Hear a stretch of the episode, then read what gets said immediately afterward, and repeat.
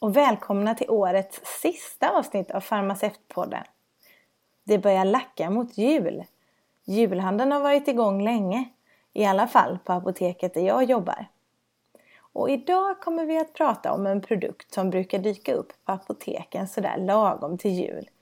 Jag pratar naturligtvis om senap. Varje år lanserar apotekskedjorna dessutom årets smak. Och i slutet av avsnittet kommer en panel bestående av icke apoteks eller farmaceutfolk att prova ut några av årets senapssorter och dessutom kora en vinnare. Missa inte detta!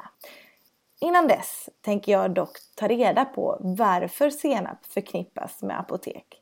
Det är någonting jag har fått lära mig utan att egentligen riktigt veta varför. Det är därför jag med stor glädje presenterar apotekaren och senapsexperten Anders Uppfält som är med oss per telefon idag.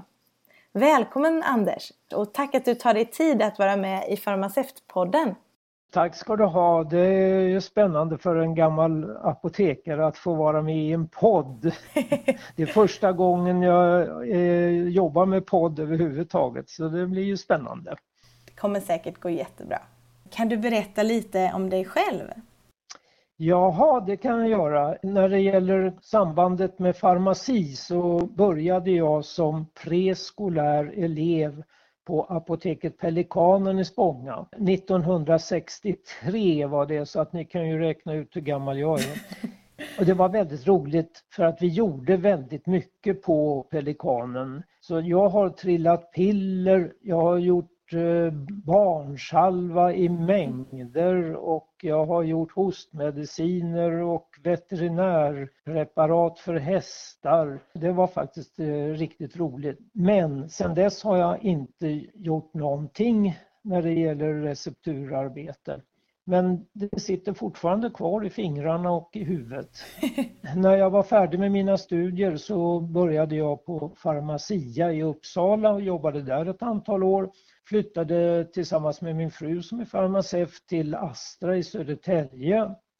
Och på båda företagen så har jag jobbat mycket med marknadsföring, projektarbete men även med kliniska prövningar. Sen var jag apotekschef i Nyköping och sen var jag chef för egenvårdsavdelningen på Apoteket AB med ansvar för alla receptfria och hela det övriga sortimentet med dambinder och tandborstar och sånt där. Så det är lite grann om min bakgrund. Ja, det var ju jättespännande ja. bakgrund. Vad mycket du ja, har hunnit med. man märker det när man börjar tänka tillbaks. Ja. När vi jobbade på Astra och sen eh, även de senare arbetena så bodde vi i Trosa. Men eh, när vi blev pensionärer så beslöt vi oss att flytta tillbaks till Uppsala så att eh, 2001 kom vi hit. Och då träffade jag apotekare Hans Elg som satt i styrelsen för Uppsala medicinhistoriska förening. Man ville alltid ha med en apotekare där eftersom det i museet finns en apoteksdel. Men han skulle flytta till Dalarna så han mm. värvade mig att eh, komma med i föreningen och där blev jag kassör och sen blev jag engagerad då i Medicinhistoriska museets apoteksdel. Så att så har det börjat här i Uppsala. Vad spännande! Ja. Och det var ju av en händelse som jag upptäckte då att Medicinhistoriska museet i Uppsala erbjuder senapstillverkning under senhösten ända fram till jul. Mm. Har jag ja, rätt? Ja, det stämmer. Själva museet ligger en bit utanför Uppsala centrum ute vid Ulleråker och eh, det är inte så väldigt många människor som hittar dit. Va? Det är klart, vi har mycket grupper, medicinstuderande, läkare, sköterskor och så vidare. Och en del farmaceuter. Men jag tyckte att det skulle vara roligt om man kunde locka dit lite mera människor och inte bara gå och titta på alla prylarna som vi har. Vi berättade i och för sig då lite grann om hur man jobbade på apotek förr i tiden men eh, då kom jag på det här med att det skulle vara roligt om de kunde få göra någonting själva. Senap kom upp då som ett alternativ i samband med jultiden. Vi pratade lite grann om vi skulle tillverka salver också men det, det är svårt att få tag på bra ingredienser och sånt där i, i liten skala. Men det är inte bara jag som jobbar här utan vi är nästan ett tiotal farmaceuter som delar på arbetet och vi har öppet varje tisdag eftermiddag. Då finns det alltid en farmaceut där. Och från mitten på oktober till mitten på december så kan man komma och drop in till apoteket där och göra senap. Vad roligt! Ja. Då måste jag ju fråga, hur tillverkas senap? Ja, det är inte så himla svårt egentligen. Vi kan säga så här att vi har förberett en del. Vi har en färdig kryddblandning. Vi har eh, köpt in acetum vini, vinättika 6-procentig och sen har vi köpt in malt senapsfrö, svart senap och gul senap. Och jag har då blandat till de här, vi har två delar svart och en del gul senap. Och, eh, kryddorna det är köper vi i huvudsak från Stockholms eter och essensfabrik. Fantastiskt eh, rolig affär att gå in och titta på. Och kryddorna är citronsyra, kryddnejlika, svartpeppar, ingefära och salt. Sen har vi en liten specialitet och det är att vi har vitlökstinktur och den blandar jag till också. Man hackar vitlök, tar en del vitlök och nio delar sprit och det ska väl egentligen vara 70% men vi köper det på systemet så det blir, det blir renat brännvin. Och den får stå i två veckor ungefär och sen filtrerar man den. Sen när folk ska komma och göra senap, då har vi satt upp en instruktion på recepturen hur man blandar till en burk med senap. Och är det mm. folk som vill göra flera burkar då får man ju alltså multiplicera alla mängderna med antalet burkar. Va? Och det där brukar jag köra med att de ska göra i huvudet. Och det, man märker gamla människor är ganska bra på huvudräkning men ungdomarna de är inte duktiga på huvudräkning. De plockar fram sin telefon direkt. Va?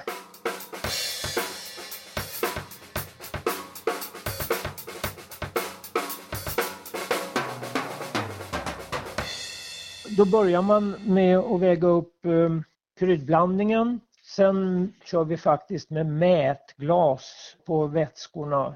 Jag berättade ju om att förr i tiden vägde man ju allting på balansvågarna mm. kryddor och pulver och sprit och oljor och allting. Men vi underlättar lite grann genom att vi mäter vätskorna. Man mäter upp eh, vitlökstinkturen och häller ner i saltskålen med en pistill Sen är det socker, det är ganska mycket socker. På 175 gram senap så är det 33 gram socker. Och så blandar man det och sen är det senapsfröblandning 50 gram och sen är det vinättika och vatten det här med att väga på balansvåg det är inte så enkelt i början så att eh, det brukar ta lite tid. Vad de får lära sig är ju då vikten av att vara oerhört noggrann när man väger och de märker ju att det är oerhört känsligt. Precis när det ska bli jämvikt så är det bara några små korn som gör att det blir för mycket eller för lite. Så att så går det till. Mm. Och jag då som kanske har varit på labben under utbildningen undrar ju vilket steg i tillverkningen som är viktigast? Ja, viktigast, svårast är vägningen på balansvåg. Det är nog egentligen ingenting som är direkt viktigare än det andra. Vi brukar ju hålla på att de ska mäta till exempel rätt mängd vätska, att man läser på undersidan av vätskenivån när man ska mäta så att de får en känsla för hur viktigt det var att vara noggrann när man tillverkade läkemedel. Mm. Men sen när, när det gäller eh, mat så spelar det ju inte så himla stor roll om det blir några droppar för mycket vitlök eller mindre. Va?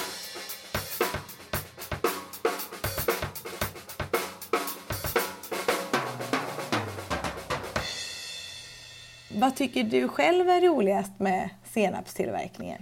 Det är ju uppskattningen som man får från folk som är där och gör senap. De är jätteglada när de går därifrån och stolta över att ha gjort sin egen julsenap. Och det är väl liksom det som man har som behållning utav allt jobb som man lägger ner. Va? Och sen är det ju då naturligtvis också att man har eh, en god senap till julskinkan. Och jag, jag har ju senap för hela året så att eh, jag använder den ju även i, när jag äter ärtsoppa till exempel. Och varm korv och så mm. vidare. Ja, det är klart. Då måste den ju vara ganska bra då helt enkelt. Ja, det är den. Receptet är faktiskt från min företrädare på apoteket här. Han hette Stig Ekström och var en fantastisk farmacihistoriker. Han har väl byggt upp, jag tror det är fem olika apoteksmuseer runt om i landet. Inte minst Skansen också och Stockholm. Mm. Och, och det här senaste, sista var ju då här i Uppsala. Och han jobbade på apoteket på museet ända tills han var 94 år. Oj! Och han hade ett fantastiskt minne och kunde citera Bibeln, allting som handlar om läkemedel i Bibeln till exempel. Ja, det var roligt. Ja, det förstår jag. Vil vilken ja. inspiration han måste ja, ha varit. Verkligen. Vilket intresse. Hm. Ja. Men nu kommer jag då till det som jag är allra mest nyfiken på och det är ju vad senap har för historia på apotek. Varför har vi senap på apoteken? Varför har det blivit en apoteksvara? Ja, från början användes ju senap som läkemedel och krydda. Mm -hmm. Man har ju hittat uppgifter om att det användes som krydda i Indien tillbaks till 3000 år före Kristus. Och sen finns det recept på senap eh, som man har hittat i eh, Egypten några tusen år sedan också. Va? Sen det äldsta kända riktiga receptet på senap skrevs ner av en romare som hette Columella och han dog 65 år efter Kristus. Och från romarriket så kom det då vidare upp till Frankrike och sen därifrån så spriddes det ut över Europa. Till Sverige så kom senapen på ungefär 1300-talet via tyska munkar.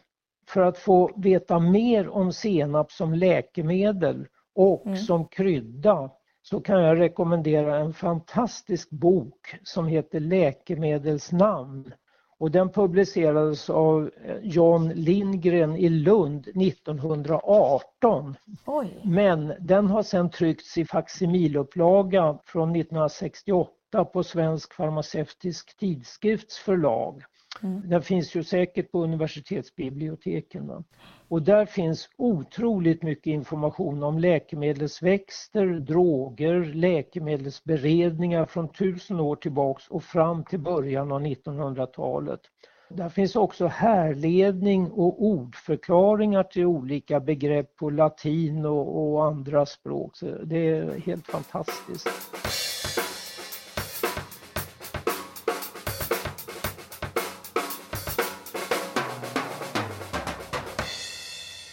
Ett exempel på hur man har använt senap som läkemedel det är enligt eh, greken Dioskurides så ansåg han att den var närande och bra för magen. Mm -hmm. Och om jag citerar ur den här boken Läkemedelsnamn så står det så här. Anbrakt på huden till dess rodnad inträder hjälper den mot ischias och överhuvudtaget mot alla ihållande smärtor där det gäller draga det onda från djupet till ytan. Och sannolikt är det här svartsenap som avses då den har mer hudirriterande egenskaper än den gula senapen. Och här är lite intressant för att på medicinska fakulteten i Lund så har man forskat på senap och vitlök. Mm. Och de har identifierat en receptor som senap påverkar. Va? Och samma receptor svarar också på kyla. Jaha. Ja, den här receptor för senapen det finns då i, i munnen och sen även i huden, urinblåsan och mag-tarmkanalen. I huden, det som jag citerade förut, det, det har man använt det länge. Mm. Den har alltså en värmande effekt på huden, hudirriterande och därmed värmande. Va? Mm. Och jag var hos antroposoferna i Järna för ett antal år sedan och de använder fortfarande senapssteg som man eh, la på ömmande ben faktiskt. Det har hänt mig en gång att en eh, kund har frågat efter senapsomläggning eller senapsplåster men ja. då fick jag snällt bara säga att nej det är inget vi för eh, längre så utan rekommenderade nej. jag kunden att ordna det själv i så fall. Ja precis. Men vad spännande, då finns det ju verkligen eh, belägg för att det har viss effekt och jag, jag hade ingen ja. aning om att man forskar på det nu i, i nutid. Nej, just det. Sen har det ju använts för massa olika saker som är mera tveksamt. Linné, han ansåg att svartsenapsfröna var stimulerande och hade diuretisk verkan samt mm. att det var ett afrodisiakum och bra mot skörbjugg. Men eh, jag tror inte att någonting utav det här, ja stimulerande kanske det var, det var åtminstone stimulerande för magsmältningen. Va? Mm. Ja, vad roligt. Ja. Han beskriver ju det som ett mirakelmedel. Ja, precis. Ja, dels vad användes det som krydda då i Indien. Sen kan man säga i Europa var det väl först läkemedel men sen i och med att man använde det för att förbättra matsmältningen så upptäckte man ju också att det smakade gott. Va? Mm. Så att eh, därifrån har det väl utvecklats då som krydda. Mm. Är det något som var tillgängligt för alla eller ansågs det vara en finare produkt? Om man går tillbaks till apotekstiden, va? medeltid och, eller ja, senare, mm. va? då var det ju mest de välbeställda som hade råd att överhuvudtaget besöka läkare och, och eh, apotek. Va? Men sen eh, blev den ju mer och mer allmänt tillgänglig. Och, ja, det är lite intressant att den första industriella tillverkningen i Sverige, det var 1920 och det var Uppsala ättiksfabrik. Mm -hmm. Det var ju de som gjorde slottssenap.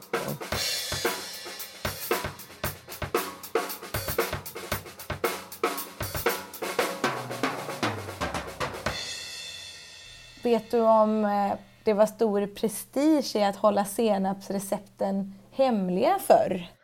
Ja, det, jag vet inte definitivt men jag vet ju att det fanns vissa apotekare som höll väldigt hårt på sitt recept. Va?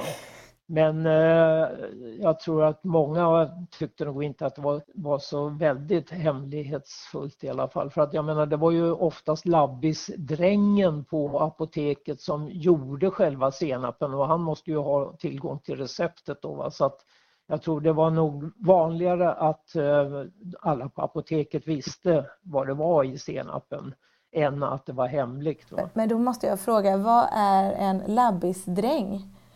Jaha.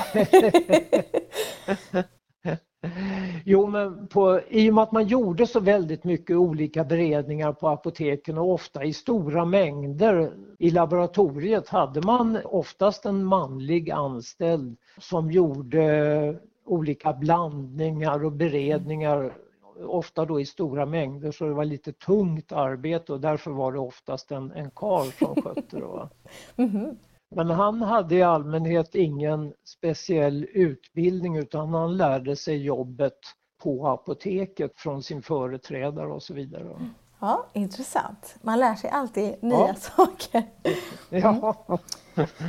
Finns det någon historia till varför senap förvaras i glasburkar? Ja, det är väl en naturlig utveckling. Om man tittar på hur läkemedel och råvaror förvarades. Det finns ju ett begrepp som heter ståndkärl, känner du till det? Nej. Nej. Och om du ser en bild på ett gammalt apotek mm. så är det massor med hyllor mm. inne i officinen mm. och där står det burkar och det kallas för ståndkärl. Jaha. Från början var de, svarvades de i trä. Vi har några stycken från 1700-talet på vårt eh, museum. Och sen eh, tillverkades de utav porslin mm Och nere i Europa finns det fantastiskt vackra porslinsståndkärl. Och sen blev det glas mm. med olika fina etiketter på och det stod ju alltid på latin vad innehållsämnena var. Och sen eh, allra på slutet så var det även plastförpackningar. Va?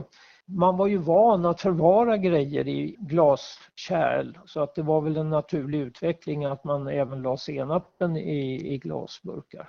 Idag så säljs ju på apoteken också senap i fina keramikkärl. Men som sagt var glas var det vanligaste förr.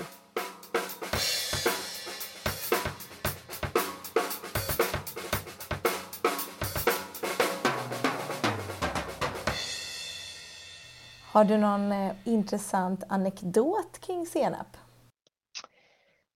Ja, egentligen inte direkt i senapen men det dök upp i en dag när jag stod och gjorde senap med några kunder.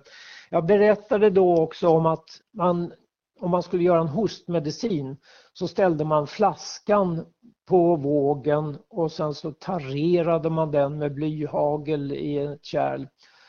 Och sen så berättade jag då att så hällde man upp då de olika innehållsämnena i hostmedicinen.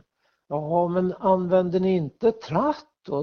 var det någon som sa. Nej, och så berättade jag då om det var en historia att det kom en ung ny apotekare till ett apotek och han skulle blanda en hostmedicin och han använde tratt.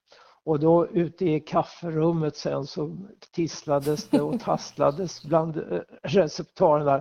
Har ni sett på den nya apotekaren? Han använder tratt och hans aktier sjönk ju i botten alltså.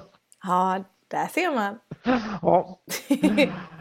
Då ska jag fråga min gamla kursare sen som jobbar på APL om hon använder tratt när hon väger upp ingredienser eller dispar till flaska. ja. ja. Jag börjar bli ganska nöjd med svaren på mina frågor. Är det någonting mer du skulle vilja lägga till Anders om ämnet senap? Ja, någonting som är aktuellt när man går ut på restauranger idag är att de skriver alltid att om man har allergier så kan man prata med dem. Jag tittade lite grann hur det ser ut på senapsfronten. Mm. Och eh, det finns alltså ett par svåra anafylaktiska reaktioner rapporterade från Frankrike. Och i Sverige så finns det två fall av allergi mot senap som är rapporterade till Livsmedelsverket. Båda de här två var barn som hade allergier mot flera olika livsmedel. Det kan ju vara värt att hålla i minnet men som sagt var det är ju inget egentligt problem. Det hade jag inte heller någon aning om faktiskt. Att det kan vara så. Nej. Jag lär mig mycket om senap eh, idag som jag inte visste. Ja. och Farmaceutpoddens vägnar, tack så hemskt mycket Anders att du ville vara med och berätta mer om senap och dess historia. Och för er som lyssnar, jag hoppas att julen innebär att ni får vara lediga och vila på ett eller annat sätt. Jag önskar er en riktigt god jul och ett gott nytt år. Efter intervjun med Anders kommer ni få höra vilken av de apotekssenapssorter som Farmaceutpodden har fått tag på som panelen tycker bäst om. Testet blir nog mer vänskapligt än vetenskapligt men jag ser fram emot ett signifikant resultat. Farmaceutpodden är tillbaka igen nästa år. Tills dess vi hörs igen, sköt om er. Läs en bok, gå ut och spring. Hej då! Ja, hej då!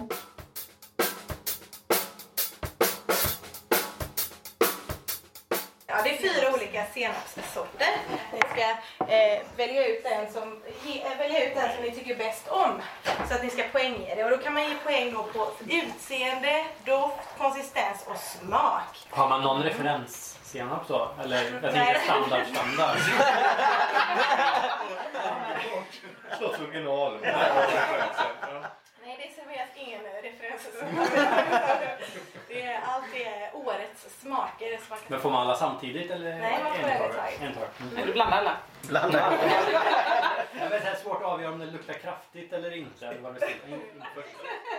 Men då kommer jag in med senap eh, nummer ett här. Oj, ja, får man det. Den luktar inte så jättemycket. Det här var svårt då. Jag tyckte det var bra. Ja. Ja. Den var jävligt god var den. Är det någon som känner av några läkande egenskaper? Smakar lite mykostatin. Mykostatin. Oh, det är ett läkemedel mot svamp i munnen. Det var inte... Jag vet inte om det var en eh, komplimang. Ja, då kommer senap nummer två här. Ja, men det luktar lite mer. Känner mig. Det är den här godare än den, eh, den föregående? Ja. Jo. Jo. Ja. Tack. Den är ganska tråkig. Utmärkt. Nej, det var tråkigare. liksom. Ja, det är Tråkig. så vanligt. Då har det blivit dags för nummer tre här. Mm. Vad, vad tyckte ni om ett och två? Jag hörde lite blandade röster. Vilken var bäst? Ettan. Två. Tvåa. Tvåan. Ja, det är lite 50-50. Vad tycker du Jonas? Oj. Nej, jag, jag kan inte. Det är jättegott. Ja, Men tvåan var ju tråkig. Ja. Det är Den första smakar ingenting tyckte inte jag. Nej. Vi är väldigt kräsna i panelen här. Nej. Jag vet inte hur man recenserar Nej, det är viktigt att det blir rätt Fredrik. Då eh, kommer nummer tre här. Grinig. Passar till julskinka. Just det, precis. Smakar ingenting. Jag vill fan avskuren här. Jag har satt kryddig på alla. Just det. Godare än en tvåan faktiskt. Mycket bättre än tvåan. Ja, vad tycker du Martin? Nej, det var bra. Det var Ja, bra. ja. Och Jonas? Bra. Bra. Jag vill inte trampa någon på tårna. Då, eh, då kör vi den, den eh, fjärde och sista senapen. Det var ju lite lukt på Anna. Bella, hur är en konsistens rund? Jag, jag tror det menas hur krämig den är. Hur Ja. mald den är. Nej, det var inget. Den får ju bra på utseendet. Oj, den fick bra. Vilken var den godaste då? Ett, Tre. Tre. Tre. tre. Mm. Vad tycker du Jonas? Ett, två, tre. Samma. Lika bra. Men fyran var ju helt klart sämst kan vi säga. Ja. Det var sämst. Okej. Alltså fyran var god men det var jävligt tråkig. Det är som någon har bara tagit slottsen och blandat ut med lite korn i senare. Fyran menar du? Ja. Ja, fyran. Ja. Det hände ingenting och ettan hände inte heller någonting. Vad fan vill du ska hända det senare? Ja, men det ska smaka mycket. Men då var trean bäst då? Trean, ja. Mm. Då tänkte jag jag ska avslöja vilken som var vilken. Nej. Nej. Det? Ja. Eh, nummer ett då är julsenap från Kronans apotek med nejlika och smak av pomerans. Precis det jag skrev ner här.